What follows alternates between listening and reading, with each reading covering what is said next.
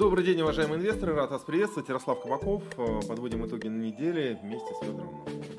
Здравствуйте, всех приветствую. Да, э, ты также у нас э, аналитик. По-прежнему аналитик. Да. По-прежнему аналитик. Ну что же, мы сегодня экстренно подводим итоги недели, потому что сегодня было заседание ЦБ, сегодня были комментарии со стороны главы ЦБ, и насколько мы видим, это привносит некоторую волатильность э, в рубль, э, привносит некое свежее а, дыхание. Ты знаешь, мне кажется, оно приносило свежее дыхание и волатильность э, все время до, до самого решения, да, а дальше, как, ну, видимо, центральные банкиры, они, ну, видимо, по профессии, они такие профессиональные душнилы, да, и вот все, что происходило после 13.30, это какой-то профессиональный душнизм такой в жесткой форме, да, то есть все, что мы, все волновались, повышено, не повышено, сильно, слабо, да, и так вот все это сделано как бы очень Слушай, ну обстоятельно, мне... спокойно, без... Э, да, в комментариях э, я, да, опять же отмечу, что лично я ждал, что все-таки вот после того демарша, который был на Восточном экономическом форуме со стороны Грефа и Костина, повышения вообще не будет. Угу. А, а, ты знаешь, я как раз ждал, что в ответ вот на этот демарш, который еще СМИ очень странно подхватили, да, вот если э, там тот день вспомнить, да, это, собственно, в начале недели было, да, то а, СМИ это подхватило как э, не то, что как, Костин дословно сказал, я думаю, что, возможно, ЦБ стоит как бы не спешить с повышением, там пресса же наша это все в, в ленте сократила до фраз там, Костин считает, повышения не будет. Или Костин повышения не будет. Греф повышения не будет. То есть так это звучало, как будто они, собственно, члены там, комитета, принимающего решение поставки, и вот они говорят, как они проголосуют. Как да? будто бы Центральный вот. банк независимая структура, как в США ФРС. Да, и, и, но, и, собственно, и, собственно, как бы, мне кажется, на этом фоне Центральному банку ничего не оставалось, как бы, как показать, что он-то, собственно, управляет э, ставкой, а, а, они им управляют, да. Но я, честно говоря, ждал, я могу тебе так сказать, что я ждал, что ну, 100 пунктов я ждал минимум, да, и э, даже в некотором смысле я так считаю, что это решение довольно мягкое. Мне казалось, что должно быть более жесткое повышение. Считаю ли, что вообще правильно повышать? Не считаю. То есть, понимаешь, вот как бы здесь происходит какая-то такая разделение сознания, то есть внутри, как бы с точки зрения здравого смысла, там, моего взгляда на экономику, я считаю, что ставку повышать не надо. Нужно искать другие ходы, как бы, как бороться с текущей, как бы, инфляцией. Но, э, исходя из того, как ЦБ мыслит, в то, в какую он сам создал логику, да, э, вокруг своих решений, ну, надо признать, что он ей четко следует, да, и в этом смысле, ну, у меня не было сомнений, что они, что они э, повысят вот. Я, правда, ждал более, более, еще более резкого как повышения. Но они, видимо, отчасти заменили более резкое повышение вот этим своим прогнозом, что там 11,5-12,5, и они ждут среднем ставку в течение 2024 года, что довольно высоко. То есть, а значит, она будет немножко ниже, чем сейчас, да. но все равно в течение длительного времени. Ну, на конец года там, вот, там где-то 13,5. А, ты знаешь, я вот под, под, подзабыл, как точно они э, сказали, но э, вот на следующий год я обратил внимание, что э, в среднем на весь 24 год ставка вот будет в таком довольно высоком двузначном как бы диапазоне. Не очень классно для нашего рынка на самом деле, но не так плохо, как могло бы быть. Э, вот, э, брокеры, вы, мы все аналитики можем, в принципе, быть довольны тем, что произошло. Потому что, на самом деле, все-таки, ну, признаемся себе по чесноку, наша индустрия живет от роста. От желания искать какие-то возможности помимо там, депозита рублевого, да. И если ЦБ не слишком жестит, ну, значит, у нас у всех, как бы, вечеринка продолжается. Так, э, меня очень заинтересовали комментарии главы ЦБ. В первую очередь, комментарий по поводу того, что Э, компании э, брали кредиты и, соответственно, копили валютные, валютные резервы. То есть фактически она, ну я бы так скажу, перефразируя, на мой взгляд, обвинила э, крупнейшие компании в России в том, что они формировали валютную выручку, прибыль на своих счетах, оставляли ее. А, Для финансирования расходов использовали займы э, рублевые. Знаешь, я, я не помню, может быть, я когда в прошлый раз у тебя был, я тебе уже эту историю рассказывал и, и слушателям, но я знаю ну, несколько хороших примеров там, уважаемых э, бизнесменов, да, там, довольно патриотично настроенных, которые, когда курс был там, в районе 55-60, да, они, э, ну, все, естественно, в валюте, да, и они не продавали валюту для того, чтобы профинансировать свои какие-то текущие даже бытовые расходы, а даже на бытовые расходы занимали Э, рублей. Поэтому в целом никаких сомнений нет, что так и происходило, и много кто так делал. Э, вот. Но, наверное, э, по 55, по 60, по 70, по 80 там, это было разумным поведением. Да, наверное, когда курс забрался 90-100, наверное, где-то здесь вот мы какое-то нащупали такое хрупкое равновесие. Ну, да, я так понимаю, сейчас будут э, эти рублевые кредиты высокой ставкой выдавливать. Ну, попробуют выдавить, да. Да, я тоже, ну, согласен, разумно. Кто из э, эмитентов э, почувствует на себе э, ледяное дыхание высокой процентной ставки? А, Слушай, ну вопрос на самом деле, э, давай так э, на это на все посмотрим. А, Ну, естественно, сам простой способ на это взглянуть, это у кого долго много. Да, еще, еще как бы у кого долг плавающий. Ну, мы, мы всех этих игроков знаем. Мы знаем, э, у кого там долго много, там, Мечел, например, да еще и по плавающей ставке, да. Мы знаем, условно, Йен плюс, довольно много долга по плавающей ставке. Мы знаем там, Сигежу, да, там нет особенно плавающих ставок, но зато там есть большое рефинансирование, как бы, которое будет в следующем году. Но вот они, как бы, такие очевидные, э, пострадавшие вообще ужесточение политики. Не только сегодняшнего, а того, которое происходит с середины лета. Да? Секундочку, ставка у нас почти удвоилась да, с лета, э, середины лета. То есть прошло два месяца, она почти 2х сделала. А, Вот. Ну и, соответственно, на самом-то деле страдают э, любимые мною компании роста, да, потому что с точки зрения их цены акций, да, не с точки зрения там, их бизнеса, с точки зрения цены акций страдают.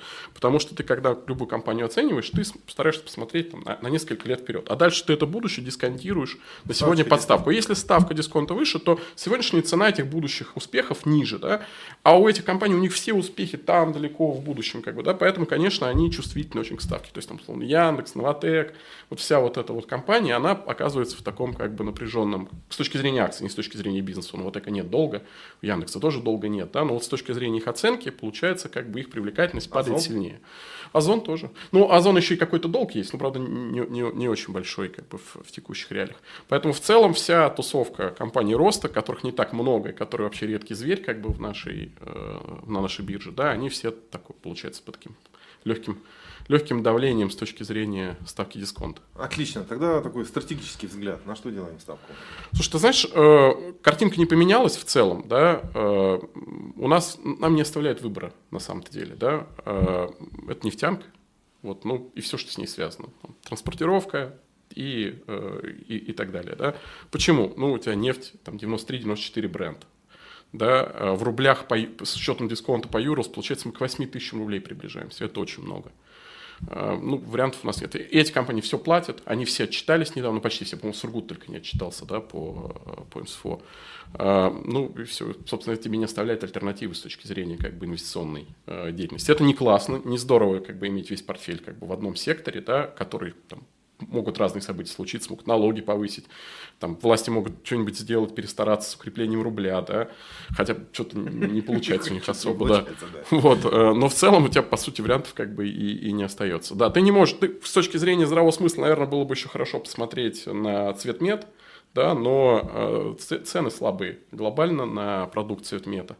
Почти, почти на все металлы, да, э, и, соответственно, в силу этого, как бы ты норникель как бы с этих уровней не оторвешь.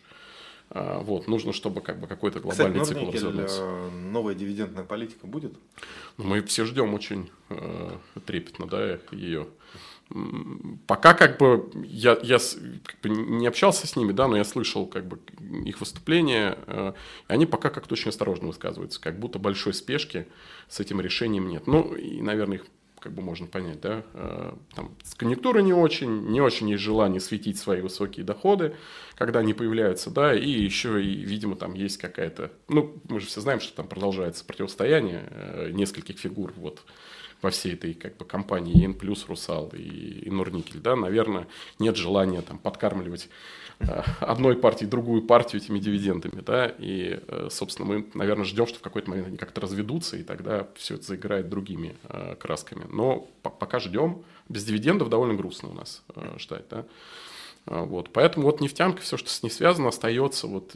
Более того, еще то, что произошло со ставкой, оно же на самом-то деле, если ставка продержится такой высокой, как бы там 11,5-12 в течение всего следующего года, все-таки она нашу экономику подпридавит. Да? И значит, получается, что все, что связано с внутренним спросом, она как- как-то у тебя уезжает в какую-то зону, у тебя такой знак вопроса возникает, а надо ли оно тебе на самом деле? Учитывая, что большинство компаний там не платят дивиденды, да, э, многие из них еще и в ВДРах торгуются. Да, эта проблема потихонечку решается, но все-таки не до конца решена. Цены там, там все выросло. Вот. Выросло так, как будто оно все долларовое, оно все рублевое по, по своей начинке, да. И э, это тебя как бы заставляет сомневаться во, во многих-многих э, компаниях внутреннего спроса.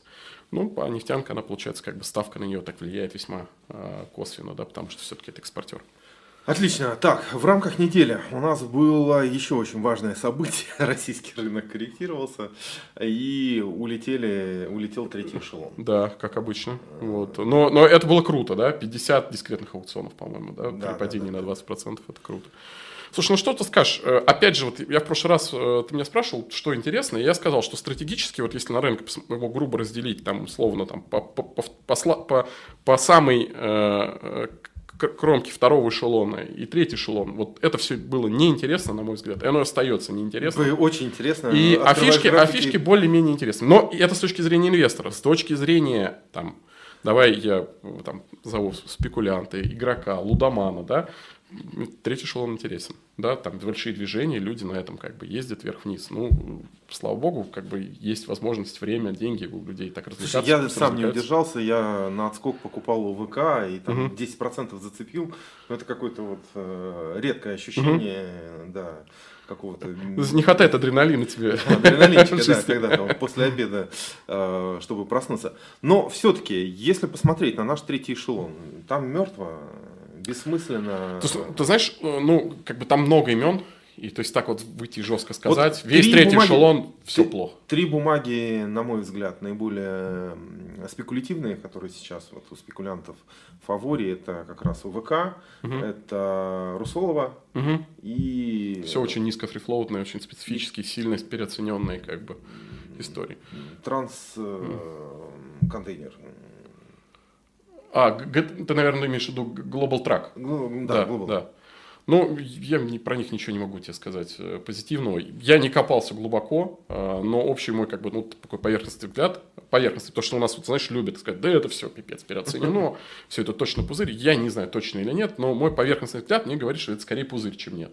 Ну а дальше как бы каждый пусть сам копается в этом. Вообще я расстроен тем, что это все как бы так уехало высоко, потому что раньше было, ну, большая была часть интересной как бы работы, это именно вот в этом третьем эшелоне искать что-то вот скрытое от глаз, да, что-то недооцененное.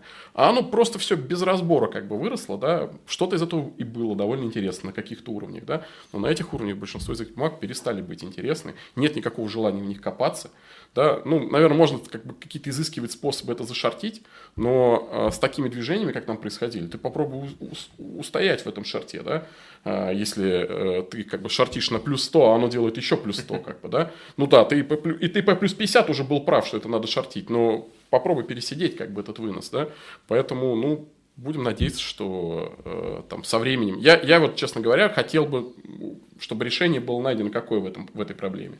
Что э, там регуляторы, там, собственники этих компаний посмотрели на свои капитализации, да, посмотрели на то, сколько у них акций в рынке есть, у них же все очень маленький фрифлоут, и решили для себя, они вообще хотят быть на бирже. Вот. А если хотят, то почему не воспользоваться этими высокими ценами и не дать желающим как бы, ну, купить их акции? Ну да, и, и дать, дать людям акции. Ну вот, собственно, так вот делали же как бы вот эти все американскаские, да, там, э, да. я не помню, сделали так GameStop, но другие компании делали из, из, из этой как бы тусовки, да кто-то там Buff, Buff and Beyond э, делал плейсмент, потом эти кинотеатры эти делали плейсмент. Э, да. вот, э, собственно, ну вот почему так не делают, э, непонятно. Почему не выйти Ну вот ВК сделали, да? Да, да, вот правильный, правильный ну, ход. Вот так вот и... Э, на 160 миллионов акций, да, ну, 12,5 миллионов. Ну, если люди так хотят наши акции, такие обороты каждый день, ну давайте им дадим их, да, эти акции. Ну я бы на их месте точно так же поступил. Вот сейчас, наверное, мне кто-то обидится, но...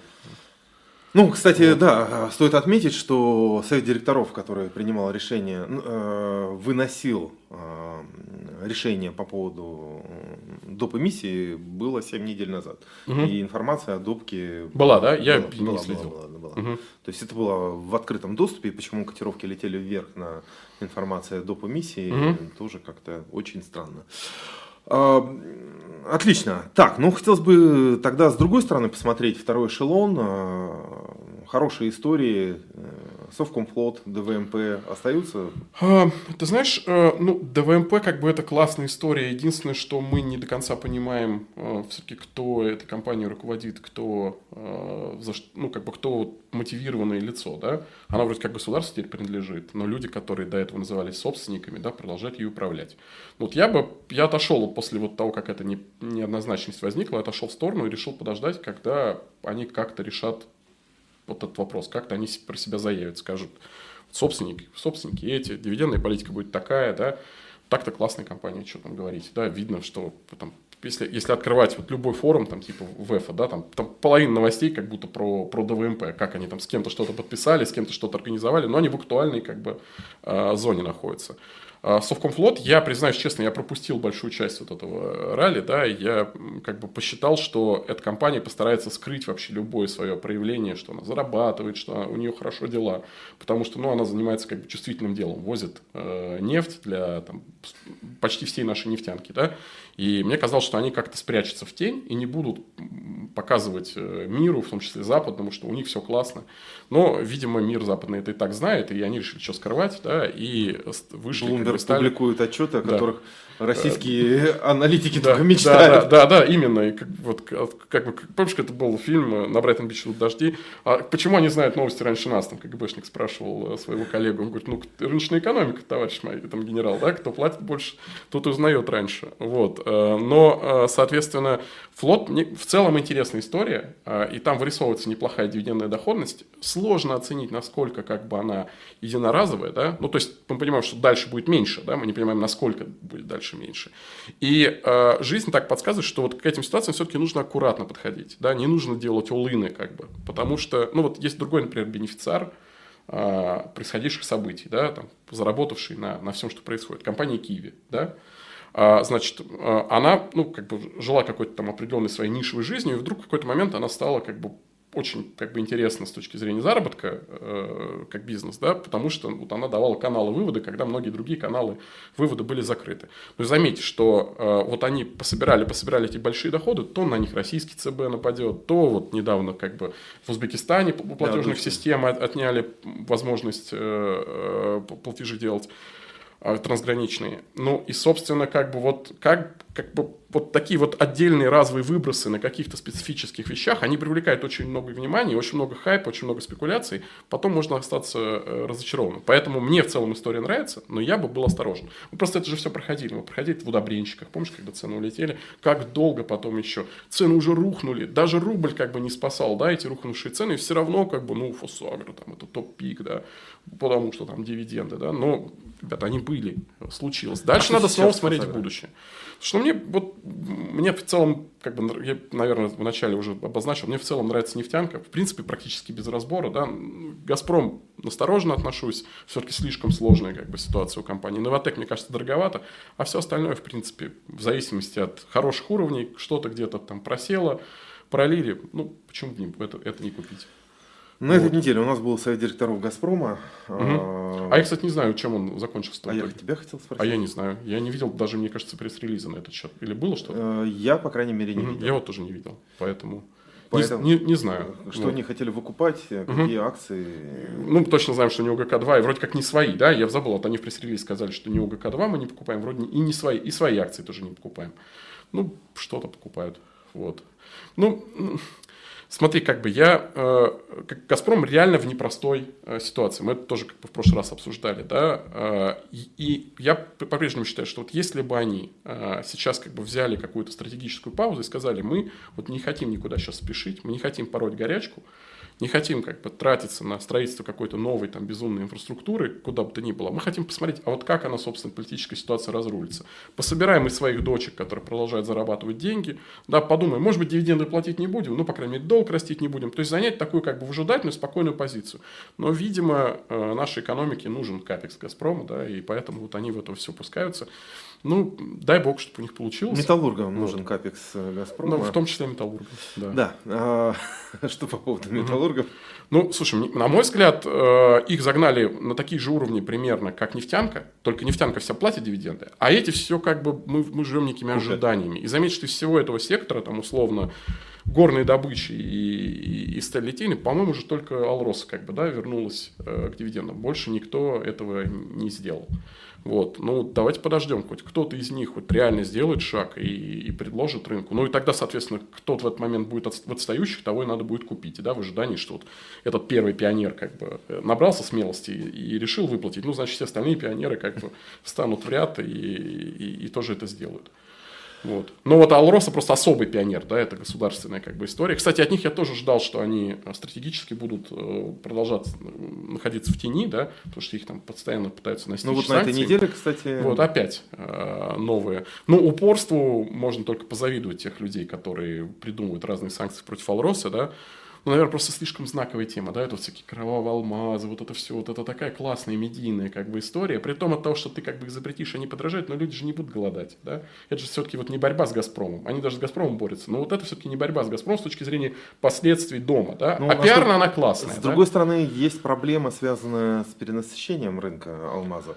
И, видимо... Цены слабые, слабые довольно аукционы у, у Beers проходят. Э, Вообще как бы есть такой большой вопрос, а, э, бриллианты они Форева или уже не Форева, да, и, и там есть всякая пропаганда, что надо не вещи, а впечатление, как бы, да, есть вот эта история с искусственными, э, соответственно, алмазами. Ну, сложно сказать, как это. То есть, это, это сложная история. В ней нет какого-то простого, простой стоимости. Вот ты покупаешь, потому что это очень дешево. Ты там дивидендами будешь какую-то иметь сильно двузначную дивидендную доходность. И рано или поздно как-то в мире тебя повезет, цикл развернется, ты заработаешь. Сложная история. Вот, не, не просто в ней как бы быть и не просто в ней заработать. Вот, поэтому, опять же, смотришь на это и думаешь, дивидендная доходность не выше, чем у нефтянки, а столько как бы всяких э, специфических сложностей. Ну и, и ты ее как-то отодвигаешь, деприоритизируешь. Следующее событие, которое состоялось на этой неделе, это как раз э, ВК. Э, Они делистингуя Хотят переехать в, в Да, Россию, и хотят переехать. Э, и Какой взгляд, что... Слушай, МВК мне не, не нравится как акция, я бы не был бы ее э, инвестором. Вот. Э, Ну, кому-то нравится, и, кто-то был бы, да, но в целом это может поприветствовать только это действие. Круто, что они переезжают. Дай бог, все как бы... В целом, про- редомицеляция. Что Это- ожидаешь? Это, ты имеешь в виду, от- где, бы, где бы ждал? Мне кажется, что по большинству бумаг а, цены уже такие, как будто оно случилось. Но вот у тебя осталась вот история Яндекса сложная, да, и если бы вот не было вот этой сложности э, голландской структуры и непонятности, что будет дальше, он бы стоил совсем других денег. Даже, даже при том, что это довольно как бы тяжелая компания, у нее довольно большой фрифлоут, да, он бы стоил других денег совершенно точно в таком рынке. Подожди, сейчас. но уже есть позитивные Мгм. новости. Костин на Восточном экономическом форуме не прошелся по Яндексу. А зато Путин там, да, и потом Песков еще э, такими косвенными комментариями. Э, ну, э, мы ждем, да, мы терпеливо все ждем, как Яндекс поступит.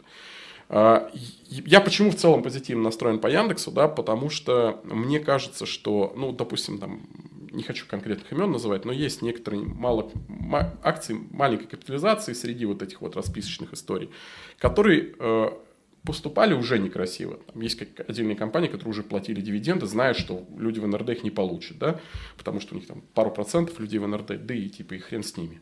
Вот. э, В этих вот маленьких историях может произойти как бы нехороший для наших местных товарищей сценарий, и э, как бы этого мало кто заметит, э, может кто-то ЦБ пожалуется, а может никто жаловаться не будет, да. Яндекс все-таки очень знаковая история. И если такая компания, как Яндекс, как бы, да, как-то некрасиво уйдет с московской биржи, или некрасиво останется, чего мы все боимся, да, что она останется вот этой распи- э, голландской акцией, мы будем владеть неизвестно чем, а российский Яндекс будет жить отдельно от нас. А, Но это будет прям удар по э, рынку капитала. То есть, считай, в этом смысле я как бы настроен, что регуляторы, которые это все дело будут согласовывать, да, на, на совершенно там, от, наверное, от первого лица до, до, до отдельных чиновников в, там, в Центральном банке, да, они не, не, не имеют права как бы согласовать такой план, который оставляет как Слушай, бы ну миноров... после э, Соликамского... этого- ну, все-таки это, это другие истории. Да? Там очень маленькая э, аудитория, это очень специфические люди, которые участвовали, как бы покупали эти акции. Ну, то есть люди изначально знали, как бы, во что они играют. Яндекс, вот посмотри, у них там телеграм-канал есть, они недавно запустили, сколько у них акционеров физических лиц. Там сотни тысяч людей. Но это, это, это все-таки уже очень, очень серьезная как бы, история. Политически будет неприятная ситуация, если они поступят некрасиво. Да, я понимаю, что это такое, как бы, знаешь, хочется верить в лучшее, да, в этом смысле это рискованная история. А, Но по крайней мере, она стоит не так, как будто в ней уже все случилось, да, а многие бумаги, ну, посмотри на X5 какой-нибудь, зачем там быть участником, Ч- ради чего, да, э, они еще должны переехать, должны пройти все эти процедуры, потом когда-нибудь начать тебе платить дивиденды, а торгуются не так, как будто они уже все это сделали и уже платят. Ну, Зато у них классный пиар и классные ребята, которые выступают.